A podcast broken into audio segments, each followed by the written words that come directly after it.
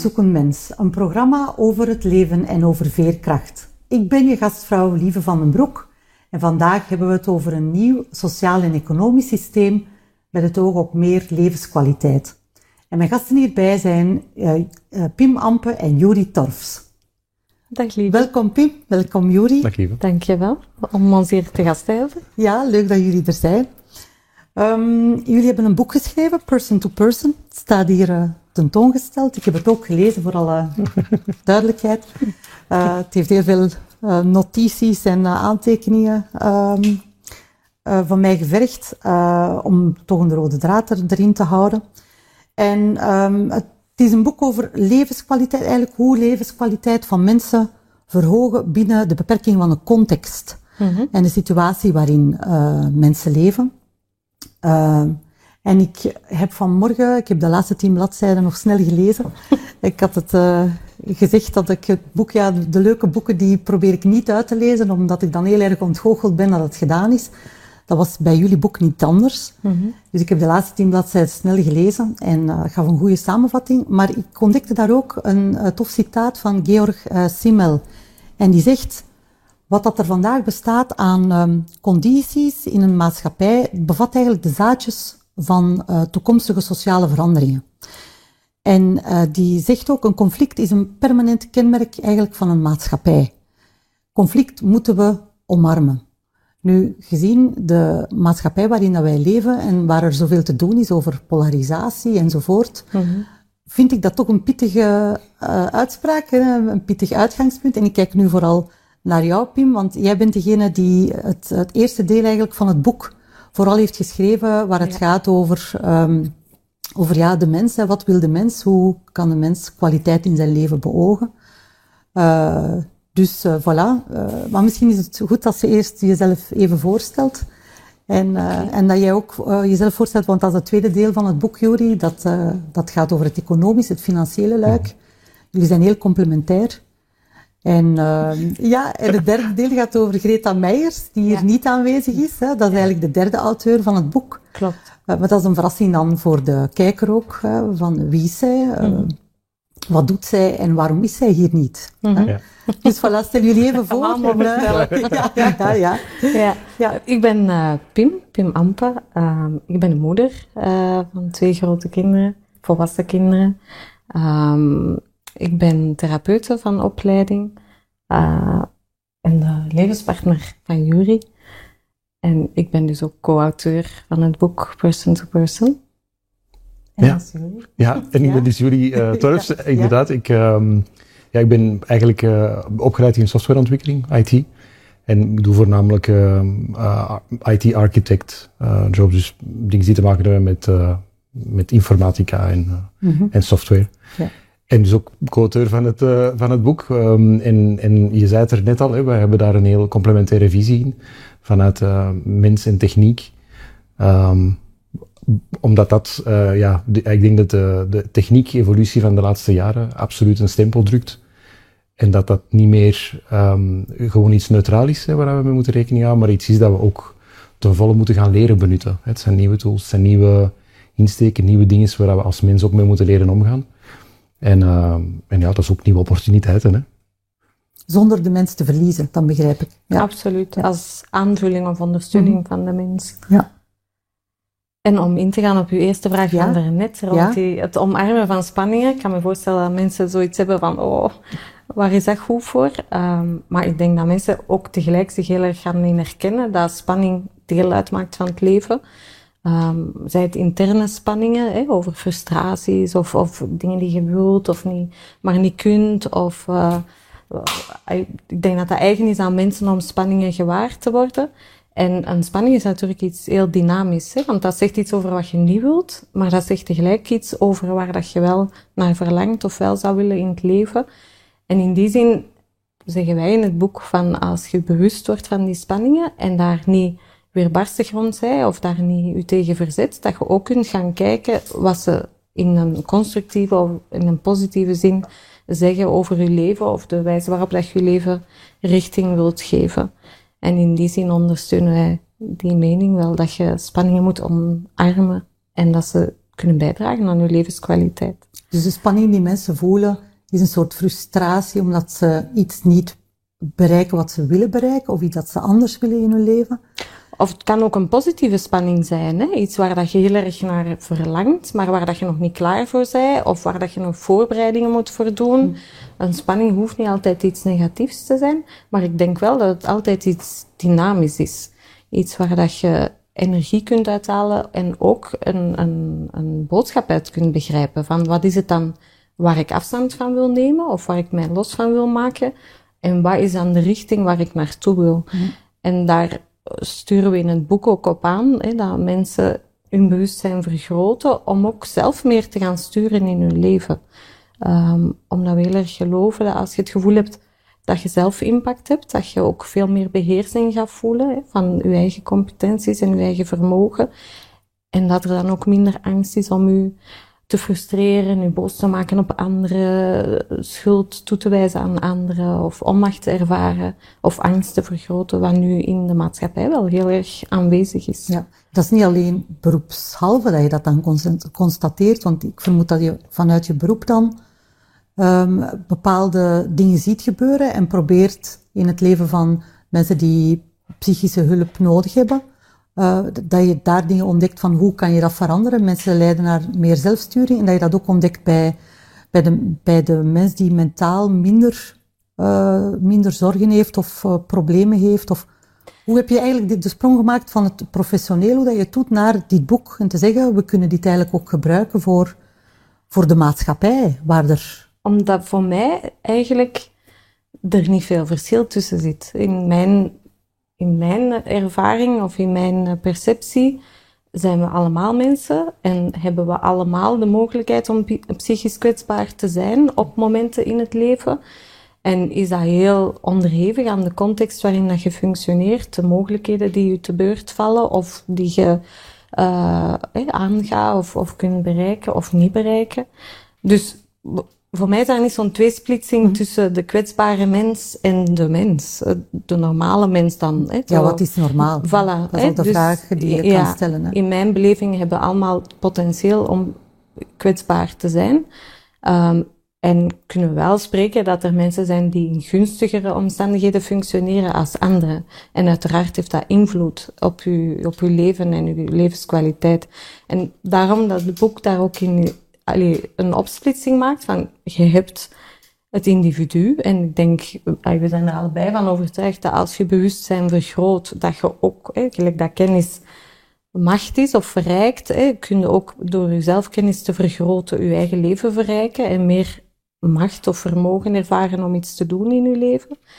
Uh, maar net zozeer als dat het individu dat kan, hebben we ook relaties nodig hè, om bepaalde dingen te bereiken. Ik denk dat niemand kan ontkennen dat wij als mens in uh, relatie tot anderen leven. Hè, ook al zijn we misschien eerder geneigd om op jezelf te zijn of kunnen daar deugd van hebben, toch hebben we allemaal ook iemand anders nodig, ben ik van overtuigd, om betekenis te ervaren.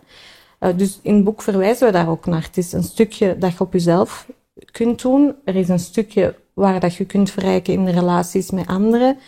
En natuurlijk bewegen wij ons in de wereld allemaal ook in een economisch gegeven, hè? Um, in, in een gegeven waar dat er productie is en, en uh, behoeftebevrediging en consumptie en dergelijke. En regeltjes. Ja, en ja. hebben we dus gezegd ook daar moeten naar kijken.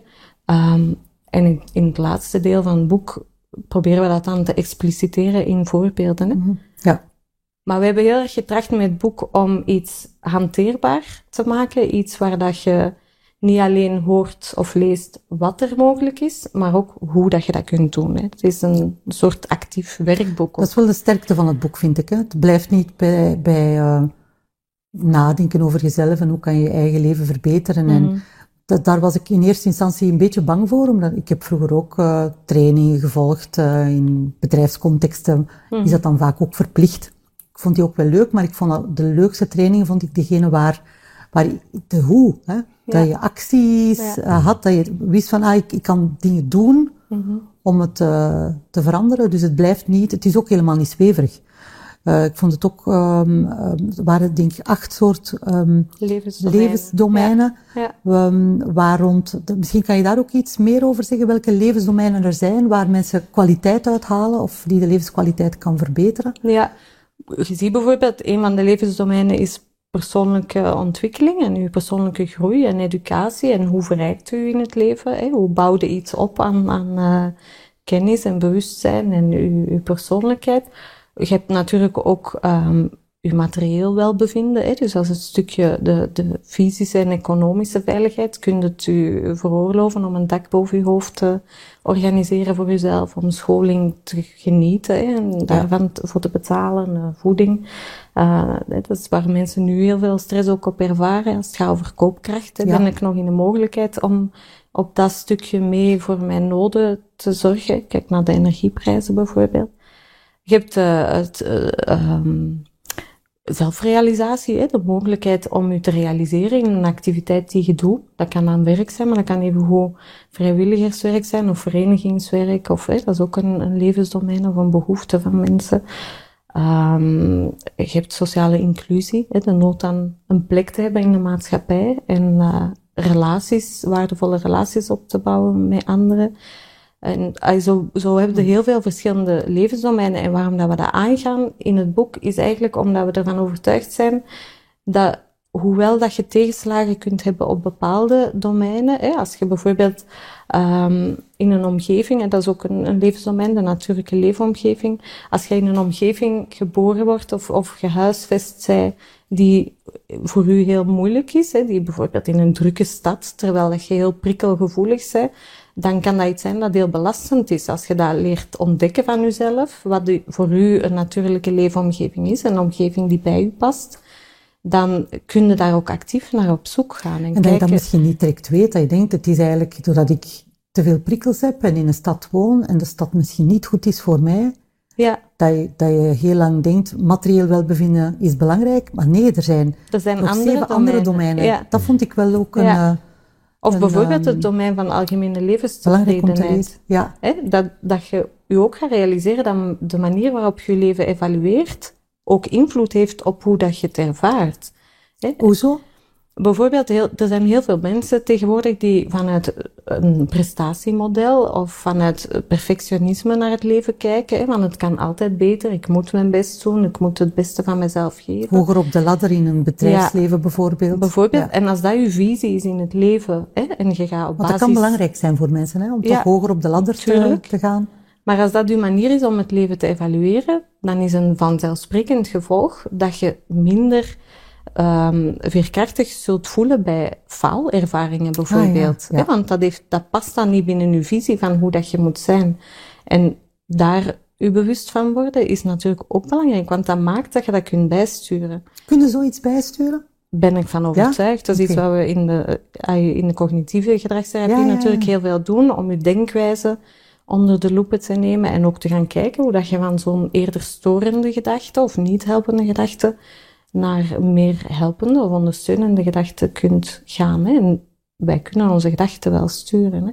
Dus het kan dan zijn dat daardoor mensen zeggen, die carrière hoeft eigenlijk niet, ik heb mij vergist gedurende al die tijd, het geeft mij te weinig voldoening en ik wil naar iets totaal anders gaan, omdat ik toch zie dat ik meer te winnen heb op die andere zeven domeinen dan. Ja, dat zou kunnen. Dat kan. Dat kan een keuze zijn. Maar het kan zelfs ook veel kleiner verschil zijn. Hè? Dat mensen leren zien van, oké, een fout maken is niet onoverkomelijk. Ah, ja. Ik heb er ook iets van geleerd. Hè, dat, ja. En doordat ik iets heb geleerd, ga ik dat volgende keer anders doen. Of, hè, dat, dus het kan heel klein zijn mm dat die verandering plaatsvindt, maar dat wel je levenskwaliteit vergroot. Ja. En als je dan er straks vraagt van wat is de overgang van je therapeutisch werk naar een maatschappelijk mm. boek, hè, dan denk ik, um, in therapie gebruiken wij heel deugddoende methodes hè, om mensen meer welzijn te laten ervaren. Maar als we zien dat we als mensen allemaal gevoelens en gedachten hebben, dan denk ik dat die methodes voor iedereen helpend kunnen zijn. En dat is de vertaling die we proberen te maken. Hè. Hm. Wat in het boek staat, is niet uitgevonden. Hè. Dat bestaat al. Wat wij doen, is het alleen in een andere vorm aanbieden. Hè? In een fantastische vorm. Hè? inhoud, het is een heel geestig boek. Ik had dat niet verwacht. Vooral ook het financiële luik, wat dat, jij dan vooral mhm. beschreven hebt, Juri. Dan denk je dat gaat een heel droge materie zijn. Maar dan de derde auteur die er niet is, die heeft het zo geestig gemaakt dat het, uh, ja, het, is, maakt het heel behapbaar. Mm en het, het is ook zo de suspense, wat zou er nu gebeuren in het boek? En, uh, dus dat is wel, dat is wel een fantastische overgang. Ja. maar je hebt ook de, het gaat dus niet alleen over wat wil je als individu, maar ook het samenwerken met. Hè. Ik heb ook gelezen bij de Quality of Life, want het is een boek in het Engels voor, ja. voor de, de kijker of de luisteraar. Uh, dus je moet wel een, een goede basiskennis Engels hebben om het uh, te, kunnen, te kunnen lezen. Dat is wel zo, uh, maar toch leest het vlot. Um, maar er was ergens denk ik een les geleerd uit de Quality of Life.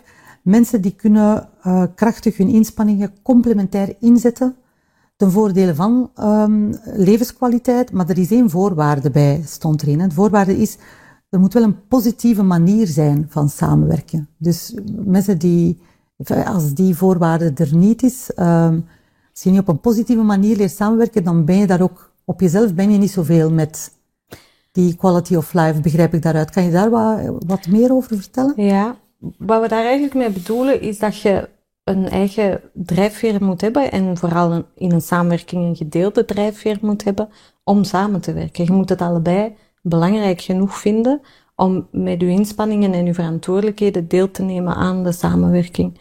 En ik denk een voorbeeld dat, dat wij kunnen geven is de samenwerking met Greta bijvoorbeeld, die er vandaag niet is, ja. omdat die in Amerika woont met haar gezin. Um, wij hadden, um, wij zijn daar complementair in de samenwerking geweest, in die zin dat Jury en ik um, met al jaren met heel wat ideeën in ons hoofd zaten en al heel wat pogingen hadden ondernomen om dat op papier te zetten. En um, dat heel zorgvuldig wouden doen, waardoor dat, dat um, dat we leerden dat dat niet onze sterkte was, schrijven. ja, dat verbaast mij. je dat kunt verbaast mij. Het is een indrukwekkend boek. Ja, maar je kunt... als een roman. Uh, voilà, en ik denk, daar heeft Greta ons heel erg in geholpen, omdat er zit natuurlijk heel veel materie in het boek. En uw schrik van, het had ook een heel droog boek kunnen worden, is terecht. Dat was het aanvankelijk ook. Um, totdat wij um, zelf bewust genoeg waren om te zien, dit gaat niet prettig lezen worden. Het is interessant, maar prettig lezen doet het niet. Um, en toen hebben wij gedacht, we hebben iemand nodig hè, in de samenwerking die complementair is aan ons en die de kunst en de gave heeft om op een heel leuke manier te vertellen. Um, jullie hebben eigenlijk het trekt in de praktijk toegepast, ja, wat jullie hebben absoluut. neergeschreven, met iemand die jullie nooit hebben gezien. Ja, dit is echt een collaboratieve samenwerking, want ja. Juri die is natuurlijk heel vertrouwd met het internet en die heeft dan voor ons een uh, advertentie geplaatst waarop wij hebben toegelicht wat we graag wouden doen. hè, dat we graag een, een, een nieuw socio-economisch uh, model wouden voorleggen aan, aan de mensen. Dat we het liefst in het Engels wouden doen omdat we veel mensen wouden bereiken. Hè, een Vlaamse de Vlaamse gemeenschap is niet zo groot als je dat mhm. wereldwijd bekijkt. dus um, daarom het Engels. En dat we dat hebben we dan gepost in een advertentie.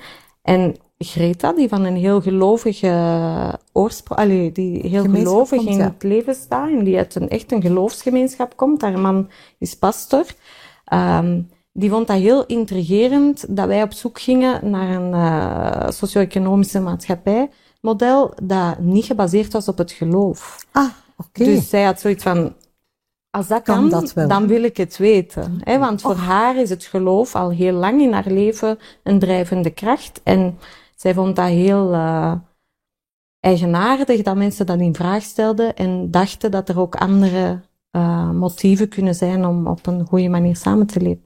En dat dreef haar om op die advertentie in te gaan en te zeggen, ik wil dat samen met jullie doen. En gelukkig... Maar ze gingen gewoon vanuit dat jullie dan niet gelovig zijn? Of hoe wist zij dat dan? Omdat we dat natuurlijk in onze beschrijving ook wel wat stond, dat dat vanuit de evolutionaire gedachtegoed ah, um, is gestart, ons idee. Hè? Wij, niet vanuit het geloof. Het feit dat we, we, spreken over die spanningen, hè, dat gaat natuurlijk over iets testen, merken dat dat niet goed loopt en dan dingen bijsturen en opnieuw proberen. En dat is veel meer het evolutionaire gedachtegoed dan het eh, van de geloofsgemeenschap van haar.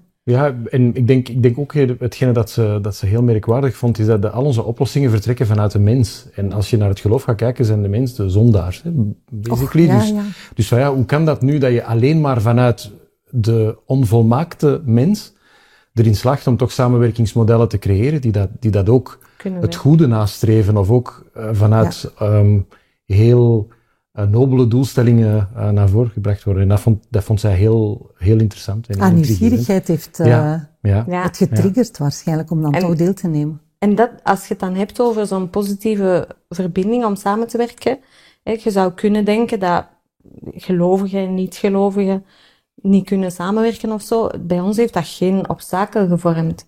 Er zijn echt momenten geweest dat zij ons als zondaars aansprak. Ja. Of, of, we hebben ook heel erg moeten oefenen met, met geen um, uitspraak te doen rond God die beledigend zouden kunnen zijn. Hè. Daar hebben we ons soms wel op betrapt, zo in het Engels. Um, maar dat was eigenlijk heel plezant, omdat we een gedeelde interesse hadden. We hadden een gedeelde interesse van, kan dat? Kunnen wij als onvolmaakte mens op een goede manier met elkaar samenwerken en samenleven? En zo ja, hoe dan? Ho hoezo sprak zij jullie soms aan als zondaar? Of in het begin, wat moet ik zo, daarbij... Zo ziet zij ons natuurlijk. Ja. Aanvankelijk had zij daar ook wel wat... Um, Argwaan of... Nee, dat is een visie, denk een visie, ik. Een visie, visie van in het leven te staan. Hè? Ah, het feit ja. dat wij niet God eren um, zoals zij dat doet, voelt voor haar natuurlijk als iets heel ongebruikelijk. Oké, okay, um, vanuit die optiek. En ja. wat zij heel erg gewaar wordt, en dat heeft ze ons ook teruggegeven, hoe dat wij zonder oordeel naar mensen kijken. Met al hun gebreken, hè. Wij hebben ook ja, ja, ja. gebreken, allemaal, hè. Ja. Talrijk, hè. Ja, ik ook. bedoel... Wel drie. Sowieso. Dus, Welkom in de wereld van de mensen die niet volmaakt zijn, ja. Is dat. Ja. En hij zegt dat dan, hè, God oordeelt natuurlijk wel een beetje hè, over wat mag en niet mag, wat goed en fout is. En dus ik snap dat ook, dat dat voor haar zo voelde, um, alsof dat, dat niet altijd klopte. Maar het feit dat we daar zo goed over konden spreken, maakte dat dat heel goed werkte. Dus uh, dat gedeeld belangen, of die gedeelde interesse is wel belangrijk voor een samenwerking. Ja. ja. Zo is het dan geëvolueerd, ja. ja. Dan kom ik bij het, bij het volgende in jullie boek, person to person, over de constructies die wij dan als mens hebben gemaakt, waar we dan toch wel tegenaan lopen, en die wij niet meer in vraag stellen. We zitten een beetje in een systeemcrisis. Dat is wat ik ook wel zie. Ik werk ook in verschillende ondernemingen en daar, daar zie je wel heel veel wordt dichtgetimmerd door systemen, processen, procedures, hmm. beleidslijnen. En die zijn in zekere zin wel nodig, maar die kunnen soms drammerig te veel aanwezig zijn. Dat is wat ik ook wel vaststel, waardoor mensen ook wat uh, ja, zeggen, waarom ben ik nog nodig? Kan het systeem het zelf niet? Uh, wat is mijn bijdrage nog? Dus we stellen het niet meer in vraag. Kan je daar iets, iets meer over zeggen? Over ja, dat, dat dat ook de trigger is nu om, om te gaan naar een ander soort economisch model? Uh, ik, ik hoor wat je zegt en ik denk, um, wij bouwen systemen. Ik denk dat dat nodig is om, om een maatschappij te organiseren. Ik denk dat je daar niet omheen kunt, dat we ons op een bepaalde manier organiseren en dat dat dus iets systemisch krijgt. Hè. Dat begint al heel vroeg bij je gezin bijvoorbeeld. Hè. Dat is ook een systeem en dat heeft ook een bepaald functioneren en gewoontes. En dus ik denk dat we dat onszelf en de maatschappij, dus wij allemaal, niet kwalijk kunnen nemen dat we systemen bouwen. Maar het is waar wat je zegt, we moeten ze blijven evalueren. En misschien doen we dat vandaag de dag uh, nog niet doortastend genoeg. Hè? Want ik denk wel dat er samen met ons heel veel mensen de huidige maatschappelijke systemen in vraag stellen.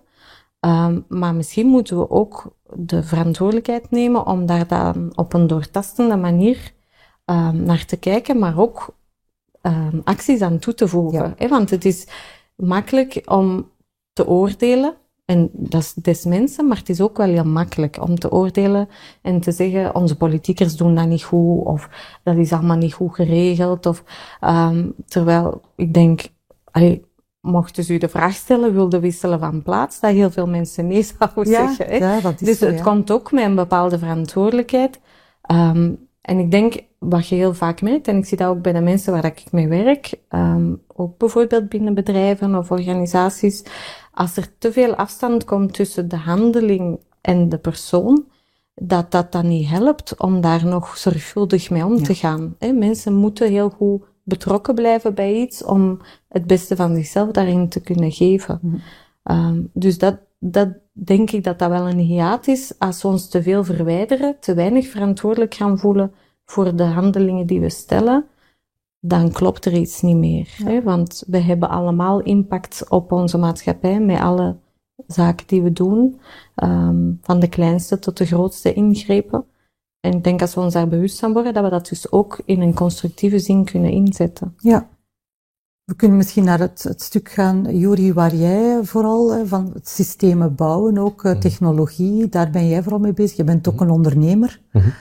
Waar je vaak toch oplossingen moet zoeken voor de bedrijven waar je dan voor werkt. Mm -hmm. misschien kan je daar ook wat meer over vertellen en, en hoe dat, dat dan uiteindelijk, wat dat je daar hebt ontdekt en je denkt, kan ook anders, hoe dat je dat dan kan toepassen. Ja. Op, um... ja, ik denk wat, wat Pim aangeeft is, is de, juiste, de juiste insteek. Ik denk dat um, voor mij zijn er twee grote dingen die een, uh, een, een, naar problematische gevolgen hebben geleid. Um, zoals je zei, dus uh, maatschappijen worden gebouwd door mensen en die worden gebouwd rond bepaalde context of rond bepaalde basiselementen. En we hebben er daar een aantal keuzes gemaakt uh, en dan kunnen we dat gaan terugzoeken tot uh, zeker 10.000 jaar geleden.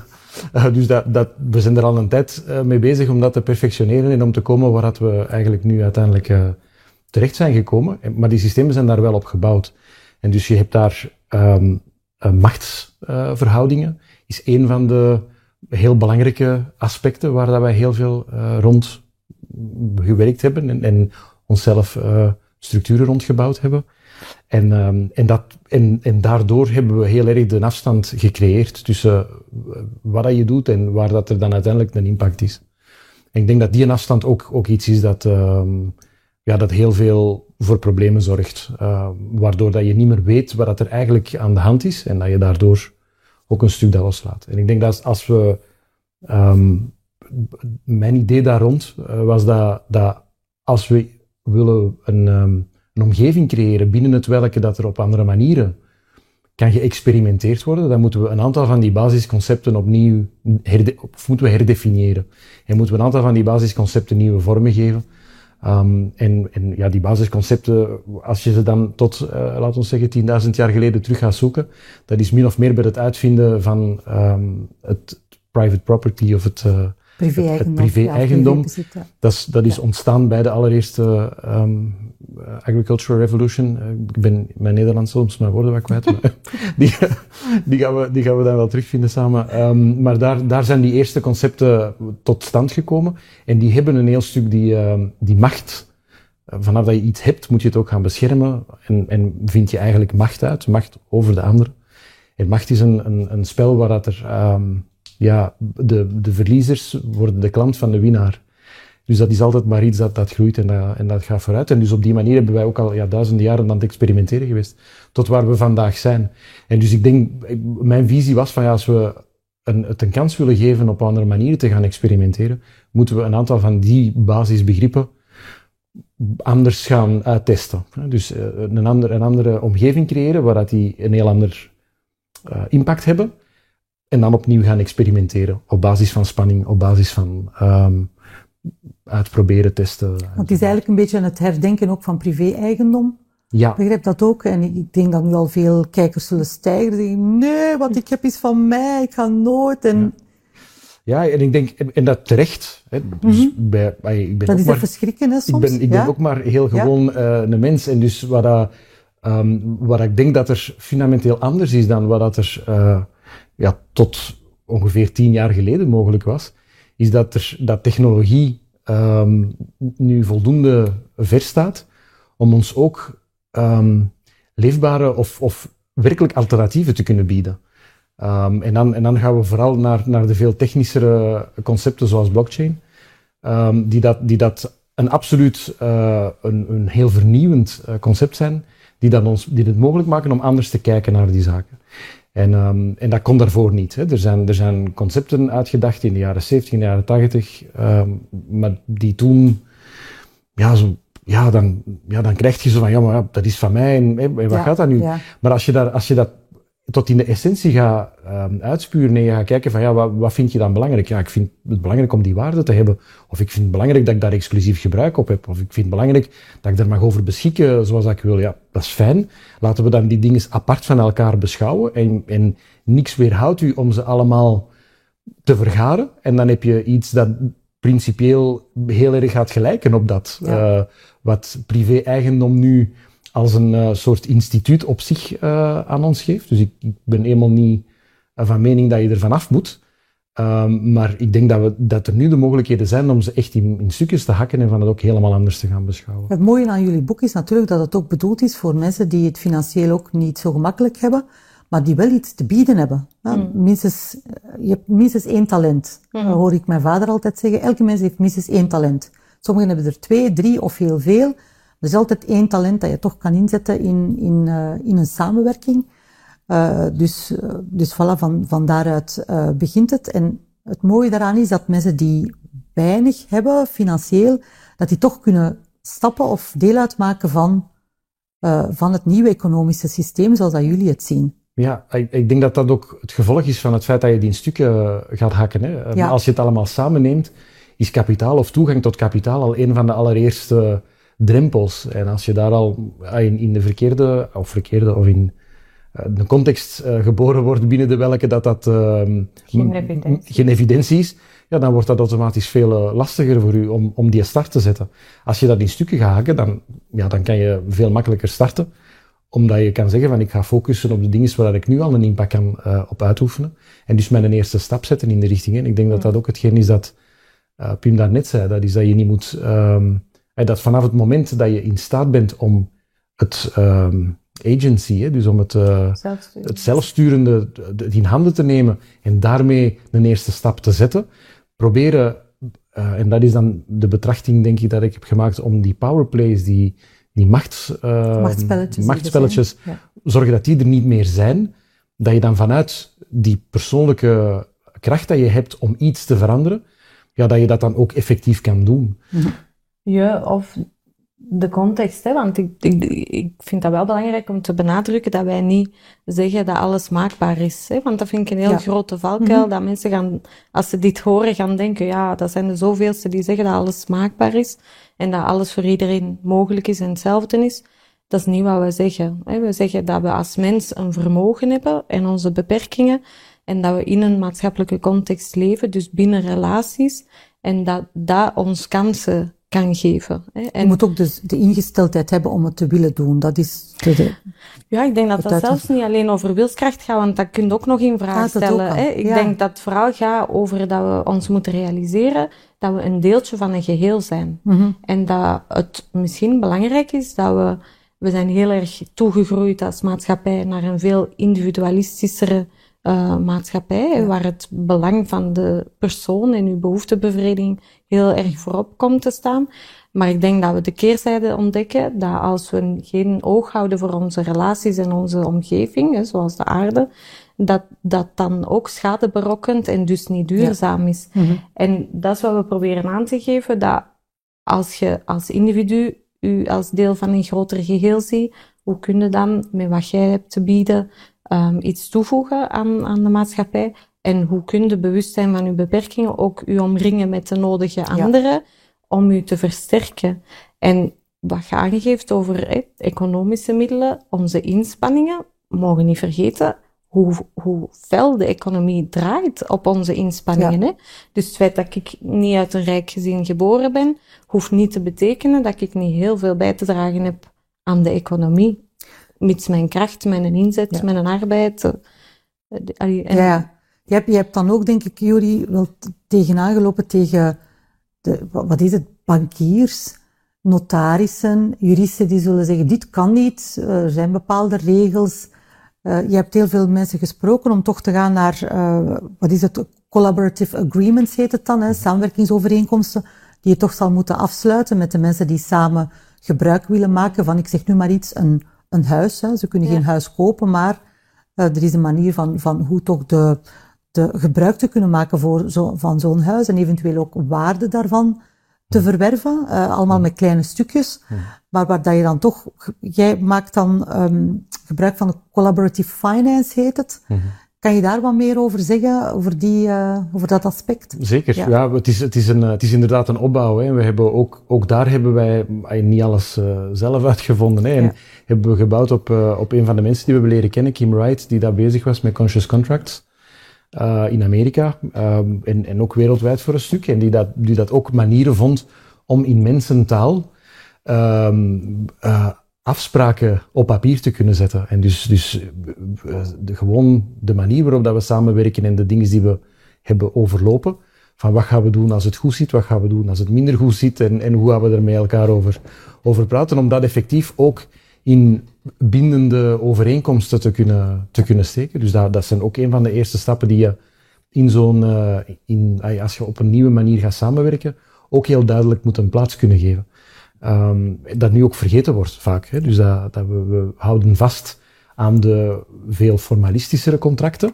En dan daartussen zullen we wel zien wat er gebeurt. En we vallen altijd terug op hetgene dat we ooit getekend hebben, maar nooit niet altijd begrepen hebben. Ja. van wat zou er daar hebben ingestaan? En ik denk dat, dat wij pleiten voor uh, zorg dat de dingen die je belangrijk vindt, dat je daarover praat en dat je dat daarin steekt en dat dat besproken wordt en dat, en dat je begrijpt waar je mee begint. Maar dat, dat is kan, dat die collaborative agreement. Dat is bijvoorbeeld die collaborative agreement. samenwerken. Ja. Weet je wat de vier studenten in jullie boek, daar hebben we het nog niet over gehad, maar die, die willen samen dingen doen en die moeten dan ook een afspraak maken. Ja. En dat ook uitschrijven op papier. Ja. ja. Begrijp ik. Ja. Omdat dat natuurlijk heel veel elementen omvat. Hè. Dat gaat niet alleen over wat gaan we doen, dat gaat ook over hoe gaan we dat doen. En hoe gaan we bijvoorbeeld heel moeilijke dingen als geld en waarde, hoe hm. gaan we dat verdelen? Of hoe stappen we eruit? Want dat kan ook, hè, want als iemand zegt, ik moet nu spontaan denken aan iemand die mijn naaste omgeving, die is gaan, gaan co-housen net afgestudeerd en net beginnen werken en nog geen huis willen kopen, omdat ze nog wel andere zaken wil doen. Ze wil misschien in het buitenland gaan wonen. En uh, nu was de, de voornaamste vraag, een van de co-housers uh, was er toch uitgetrokken. En ze zaten ineens praktisch zonder potten en pannen. Hoe gaan we nu potten en pannen? Mm -hmm. Ik dacht, ja, dat is misschien iets dat wel wordt ondervangen in het systeem zoals dat jullie het hebben. Als je werkt met een collaborative agreement, en um, dat gaat heel erg over wat breng jij ja. naar de tafel. Ja. Wat, wat draagde jij bij in dit geval tot het samenwonen? En waarom is dat voor ons belangrijk? Ja. En als mijn inbreng huisgerij is, dan is het belang dat wij allemaal lekker kunnen koken, gezellig kunnen eten samen. Uh, dat dat een deel van ons samenleven is. En dat zijn dingen waar dat je dan over spreekt. Als je dat meebrengt, mm. hè, wat staat daar dan tegenover? Dat, dat je ook een bepaald belang hebt binnen die samenwerking. En dan moeten er misschien afspraken gemaakt worden hè, van wat als jij er niet meer bent. Hè? Is dat dan iets dat jij meeneemt? Is dat iets dat wij overnemen? Heel vaak tekenen mensen allerlei contracten zonder echt goed te weten wat dat erin Wat betekent het dan? Ja. Kijk naar overeenkomsten met banken. Je krijgt pagina's vol hmm. voorgeschoteld en mensen stellen heel veel vertrouwen in de ander. Maar ook daar, als u, als uw handeling te ver komt te staan ja, van wat dat jij... Van wat dat er staat, en ja. je getekend hebt, dan... Uh, ja. Want die collaborative finance had twee aspecten, had ik, um, heb ik hier opgeschreven. Hoe bijdragen en inspanningen loskoppelen van geld mm. via collaborative points. En dan het tweede aspect was hoe waarde creëren op de langere termijn voor jezelf, zonder onrechtvaardigheid of machtspelletjes te gaan promoten. Ja, dat, die, dat klopt. Die, kan je daar wat meer over zeggen, over die twee aspecten, dus collaborative points en dan, ja. ja. leidt het dan toch niet uiteindelijk toch tot machtspelletjes? Ja, en ik denk dat dat, dat dat een van de fundamentele redenen is waarom dat we uiteindelijk zijn gegaan naar, um, of waarom dat we dat, die private property hebben moeten heruitvinden. Omdat je pas naar een, een uh, systeem kan bedenken of naar een manier van werken kan bedenken waar je werkelijk vrij bent om beslissingen te nemen die jezelf op dat moment voor, jou, voor jezelf belangrijk zijn. Op het moment dat je ook die financiële onafhankelijkheid hebt, maar veel verder gedreven dan wat dat we die tot nu toe kennen. Als ik vandaag bijdraag in een, eh, in een onderneming, dan ga ik een stuk de waarde van die onderneming doen stijgen. En ik heb daar misschien, stel dat ik in het beste geval daar ehm, opties of aandelen of iets gelijkaardigs zou in de plaats voor hebben. Als ik wegga, ja, dan wat doe ik daar dan mee? Wat betekent dat dan juist? En in hoeverre vertegenwoordigt dat nog altijd de, um, waarom dat ik daar ben? En, en mijn, welk stuk van mijn bijdrage is daar nog aan gekoppeld? En dus zijn wij naar een heel radicale manier gegaan van, van uh, waarde heel persoonlijk te maken en heel persoonlijk te bezitten. En vanaf het moment dat je dat kan doen, dan kan je spreken over een, een waardering enerzijds, hè, over je eerste punt, van wat is mijn, mijn bijdrage? Zij het dat in, in tijd of in, of in netwerk of in alles wat je maar kan bijdragen. Dingen waar je goed in bent of waar je bepaald talent ligt. Bijvoorbeeld, hoe draag ik dat bij en hoe kan ik daarover praten in een manier dat niks te maken heeft met geld? Want in een samenwerking heeft dat niets te maken met geld. Dat is altijd mijn bijdrage ten, ten, opzichte van die andere mensen hun bijdrage. Want samen vormen we 100% van wat er gerealiseerd wordt. En hoe verhoudt hij zich daartoe? En dat kan niet altijd in, uh, in geld uitgedrukt worden. En daarom pleiten we daarvoor, laten we een, oefening maken om als we praten over het, het werkelijk waarderen van elkaars uh, bijdrage, dat we daar in meer proportionele termen gaan spreken. Van, ik, doe 10% van die 100% die we samen doen en jij doet er 20 en jij doet er 30 of doet er niet toe. Dus we gaan daar heel um, proportioneel over babbelen en we creëren een kader binnen het welke dat die gesprekken ook gevoerd kunnen worden. En dan, dan zit je met één gegeven, dat is dat ja, je presteert een, of je, je draagt bij tot een percentage van de totale meerwaarde. Maar de meerwaarde zelf dan, degene die wel uh, geldgedreven is, ja, die gaat dan heel persoonlijk worden. En dat zijn dan uh, veel meer met die sovereign assets bijvoorbeeld, waar we dan uh, mee gaan zitten. Um, sovereign assets, dat zijn dan op zichzelf staande goederen, moet ik het zo benoemen in ja, het Nederlands misschien? Een onafhankelijk actief. Ja, Niemand is daar eigenlijk eigenaar van, maar ja. het is iets dat op zichzelf bestaat. Ja, dat en, klopt. Ja. ja, en dus daar ga je dan, um, en, en financiële middelen is ook een soort um, uh, actief waar je van alles mee kan doen. Maar dat actief, als dat op zichzelf staat, dan, dan, ja, dan heeft daar ook niemand niet uh, uh, een, een, rechtstreekse impact op. En ik denk dat, dat de basisregel, die, degene die ook al vaak terugkomt, uh, kan vertaald worden in de simpele zin dat je de kinderen niet bij de cookie jar mag zetten. Hè. Dat is, ik denk dat dat... De, koek, de koekjestrommel. omdat, er anders, omdat het anders mee, misloopt. Hè. En ja. dus ik denk dat dat het basisprincipe daarvan is.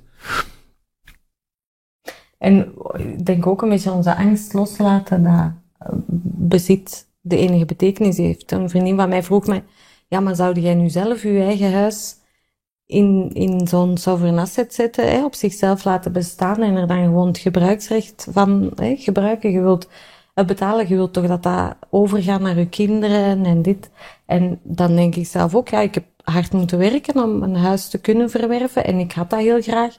Of ik wil dat nog altijd heel graag hè, iets aan doorgeven aan mijn kinderen. Maar moet dat dan dat huis zijn?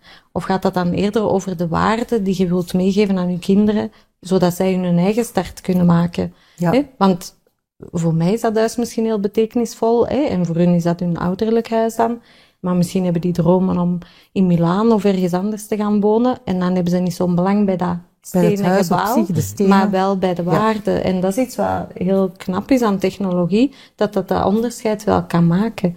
Dus dan heb je eigenlijk hetzelfde, alleen veel flexibeler. Hè? Ja, ja, dat is wel.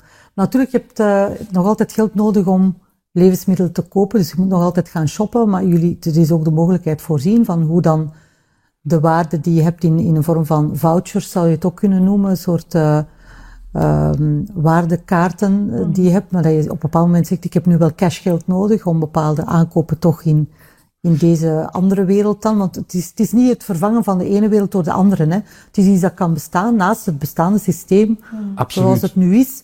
En mensen die dat willen blijven verder volgen, die kunnen dat doen. Of je kunt een combinatie maken van, van de beide systemen. Absoluut. Hè. Ik denk dat het begint allemaal bij, bij het feit dat we in een gewone wereld leven. En dat, en dat de korte termijnsbehoeften zijn, maken een, een absoluut deel uit van wat we moeten bespreken. En dus wij, we zeggen niet dat je al hetgeen dat we hier uh, verkondigen moet vervangen door punten en kaarten en wat, en wat nog allemaal.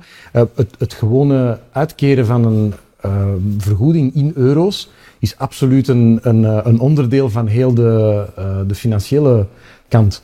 Alleen moet je heel bewust zijn dat de uitkering die je maakt, dat dat je korte termijns visie is En dat je daarmee um, alleen maar in principe moet denken over wat is er nodig om de manier waarop dat ik vind dat ik moet in het leven staan, uh, wat heb ik daarvoor nodig? En dan tegelijkertijd gekoppeld aan het bewustzijn van en wat doe ik om ervoor te zorgen dat mijn samenwerking dat ook kan opbrengen. Mm dus het, het, is niet meer van ik krijg een pre en een baas betaald en hoe dat hem eraan komt, dat interesseert me niet. Uh, het gaat erom, ik wil uh, x euro's hebben per maand en wat ga ik doen om ervoor te zorgen dat die ook verdiend worden in die context. En dan heb je je korte termijn en, en dan heb je dan, ja, normaal gezien, als je dat goed doet, ook nog een overschot in wat er uh, gemaakt wordt. En die overschot wordt dan als een lange termijn, laten we zeggen, verdeeld in functie van je uh, proportionele bijdragen, hè, waar we het er juist over hadden. Ja. Dus je, je bouwt iets op lange termijn en je hebt korte termijn is niet anders dan je, je pre, hè? ja, je verloning, hè, zoals dat nu. Uh, ja. Kan je ook nog iets, iets meer zeggen over de blockchain-technologie die erachter zit? Ja, ik denk dat die daar... die nu kijken ook ja, wel Ja, ik hoop, ik hoop dat ik daar... Dat ik, daar kijk altijd met belangstelling en luister van wauw, die kunnen dat ook uitleggen voor mensen zoals ik. ik, ga, ik ga mijn uiterste best doen, maar ik denk om niet te vervallen in de iets te mhm. technische ja. kant van het verhaal. Ik denk dat wat, wat dat uh, blockchain met zich meebrengt, dat anders is dan de technologieën die we tot nu toe hebben gekend, is dat die uniek gepositioneerd is om um, vertrouwen te kunnen bieden aan partijen zonder dat er een middenpartij nodig is. Ik denk dat dat het allerbelangrijkste is en dat dat iets is dat wij tot nog toe nooit hebben mogen ervaren. Middenpartij zoals? Een bank, zoals een notaris, zoals een overheid, zoals... We gebruiken constant middenpartijen omdat het heel moeilijk was. Van, vanaf dat we geld hebben uitgevonden, ja, heb je eigenlijk ook een soort middenpartij uitgevonden die dan moest scheidsrechter spelen ja. over wat is dat dan wel waard en, en, zag ik het voor veel, u bij veel geld in verloren en ook veel veel transparantie gaat verloren. Transparantie gaat verloren, connectie, waar we het er juist over hadden. De verbinding tussen wat dat ik doe en wat er uiteindelijk van komt, die gaat ook een stuk kwijt in het verhaal. Um, je hebt dan natuurlijk de um, power corrupts en absolute power corrupts absolutely. Uh, dus dat, dat, dat is ook een feit. Hè. Dus dat, dat Macht corrumpeert altijd, ja. Macht corrumpeert altijd en corrumpeert meer naarmate dat er meer macht uh, te grijpen valt. Dus dat, dat blijft een, uh, een, een concept en dat is altijd gebonden aan het feit dat er een middenpartij is. En ik denk dat blockchain de technologie is die dat op, op eigenlijk on top of het internet wordt gebouwd. Uh, dus het internet blijft een, ja, is iets dat is uitgevonden in de jaren tachtig uh, en, en dat echt populair bij ons is geworden in, uh, in het begin van de eeuw. En dan hebben we daar het, het eerste golf van de web gekregen, waar de meeste mensen nog niet zo heel veel mee te maken hebben gehad. En dan heel het web 2 gebeuren, dat is veel meer onze, eh, Facebook en Google, dat is waarin dat iedereen daar is opgestapt. En ik denk dat de derde web-evolutie er nu aankomt. Die is een tiental jaar geleden gestart. En die is gebaseerd op heel dat blockchain gebeuren. Dus dat is dat Web 3. Dat is het bijvoorbeeld... Want ik kende dat niet. Ik heb ja. door jullie boek gedacht, oh, ja. hoezo? Dat bestaat? Ja, en dat, is dan ook een heel controversiële term. Zoals bij heel veel als dat pas ontstaat. Hè, dat wordt dan Web 3 of Web 5 of ik weet niet welke naam dat ze er nu nog gaan gaan aangeven. Ja, want ik kan ook de, de codes scannen in jullie boek. Hè. Ik heb dat dus ook gedaan. Ik ga nu zien, werkt dat wel? Dat werkt dus ook. Dus ik heb een heel andere wereld ontdekt die ik niet kende ervoor. Uh, ik kan nu waarschijnlijk heel naïef klinken voor mensen die dat al heel lang kennen. Maar ik denk dat er ook nog wel genoeg mensen zijn zoals ik die echt geen benul hebben van het bestaan daarvan. En wat je daarmee kan doen. Klopt. En ik denk dat dat, nu, en dat is denk ik het, uh, hetzelfde met elke opkomende technologie. Ik zei het er juist al, Web 1 heeft niet iedereen meegemaakt, heel actief. We zijn er pas opgestart op het moment dat die uh, middelen en die, die omgeving ook eenvoudig genoeg is voor iedereen. En ik denk dat de blockchain-revolutie is tien jaar geleden begonnen. Maar die is begonnen voor een heel selecte groep van heel technisch aangelegde mensen.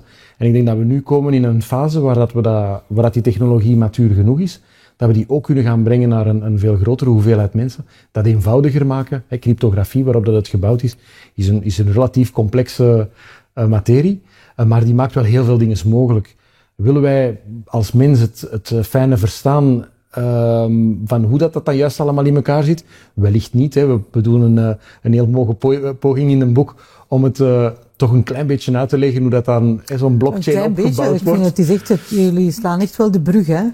Maar de brug tussen de theorie en de praktijk. Ik denk dat het ook ergens in, het, in jullie boek uh, terugkomt van hoe de kloof te overbruggen. We moeten daar wel een instrument voor uh, voorzien. Uh, ik durf zeggen, dit boek allemaal lezen. Ja, het is echt... Maar dat, dat is de kracht van Greta Meijers ook, die heel, in heel visuele taal kan beschrijven hoe zoiets complex als technologie er in gewone mensentaal uitziet. Hè. En dat heeft zij, zij illustreert doorheen heel het boek dat leven van die studenten en wat die allemaal meemaken in al hun verschillende levensfasen. Zij is een leerkracht ook, had ik begrepen. Zij is leerkracht. Zij, zij heeft ook een uh, dramaopleiding. Hè? Dus zij, heeft, zij is wel heel erg thuis in, in spel en beeldtaal. En, ja, je kan de, de, de studenten zo voorstellen. Hè? De verbeelding ja, uh, dat is bijna niet nodig. Ze is heel levendig in haar beschrijvingen. Ja.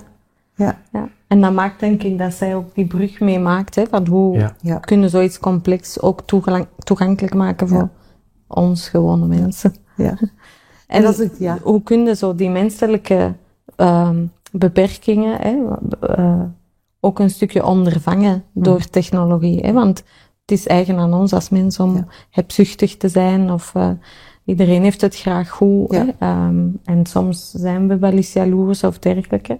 En dat is natuurlijk waar die blockchain ook uh, heel veel uh, ondersteuning biedt, want die heeft dat natuurlijk niet, hè, ja, computer. Nee, computer is natuurlijk niet jaloers. Het is nee, die heeft daar minder last van. ja, voilà, voilà. Tegenwoordig toch nog, hè? Nu, voorlopig nog wel, ja, dat, dat kan ook wel veranderen. Maar, ja. Dan, uh, ja, en, en om uh, op het laatste stuk zo nog, nog even op uh, door te gaan, dus het verhaal van, van de vier studenten, hè, Jake, Leon, Lana en Alex. Ja.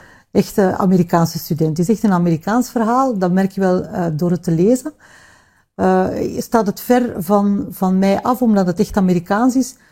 Uh, nee, niet zo. Wel de taal, hè. Door de taal merk je van, dit kan geen Europeaan geschreven hebben. Dat ja. moet een Amerikaan zijn. Ja. Het, het is, dat is anders niet mogelijk. Wat, wat ik wel uitdagend vond, is de, de verschillende types van studenten die er zijn. Mm -hmm. Waar, het, waar je ook wel best kan samenwerken tussen... Um, in deze wereld zal het dan misschien verkeerdelijk toch nog noemen, linkse mensen en rechtse mensen en andere politieke overtuigingen. En wat mij ook heeft geraakt, zo'n boek raakt mij niet gemakkelijk, omdat je denkt, het is eigenlijk een boek dat gaat over een, een maatschappelijk systeem. En dan denk je, dat gaat mij nu niet ontroeren. Dat boek heeft mij ook ontroerd, hè. Wat die, hoe dus, ja, ja, dat ik dacht, dat, dat heeft mij ontroerd dat het mij kon ontroeren, zo'n boek. Omdat je mhm. denkt, hoe slagen ze daar toch in om dat op die manier te schrijven? Uh, en het is ook niet melig. Mm. Uh, is, die, die Greta Meijers heeft toch ergens iets... Wat zij tegen ons zei, en dat heb ik als een heel groot compliment ervaren, is dat zij zei um, hoe een authentieke samenwerking dat ze dat vond en hoe een authentieke mensen dat ze ons vond. En ik denk dat dat een stukje de kracht is van het boek, dat wij gewoon ook aangeven, wij zijn maar mensen. Ik krijg daar nu kippenvel van. Ja, ja dat is Maar dat is ook de realiteit. Hè. We hebben onze onzekerheden, wij hebben, maar wij hebben ook onze krachten en we hebben geprobeerd om met wat wij bij te dragen hebben aan de maatschappij, dat te gieten in een boek. Maar heel erg vanuit het bewustzijn, misschien is het onvolledig, misschien vraagt het een vervolg, misschien uh, hebben mensen daar nog dingen aan toe te voegen. En bij deze ook een oproep, graag, hè, laat dat een werkinstrument zijn voor iedereen. Maar ik denk dat zij dat ook heel erg heeft opgepikt en dus geïntegreerd in de studenten. Want zij heeft natuurlijk die verhaallijn geschreven op basis van wat wij vertellen. Hè. We hebben een jaar lang elke vrijdag samengezeten in een kamertje. Online weliswaar, hè, maar samengezeten en verteld hè, over, want dat boek was al in het Nederlands geschreven, hè, maar verteld wat we wouden vertellen. En zij heeft dat dan vertaald in dat beeldend verhaal van die studenten dat levendig verhaal van die student. Dus zij heeft dat, ik denk dat dat daarom zo menselijk werd. Wij zijn, mm. wij zijn maar gewone mensen die een verhaal vertellen, mm. die een idee meegeven. En wij hopen keihard dat we daar mensen mee inspireren.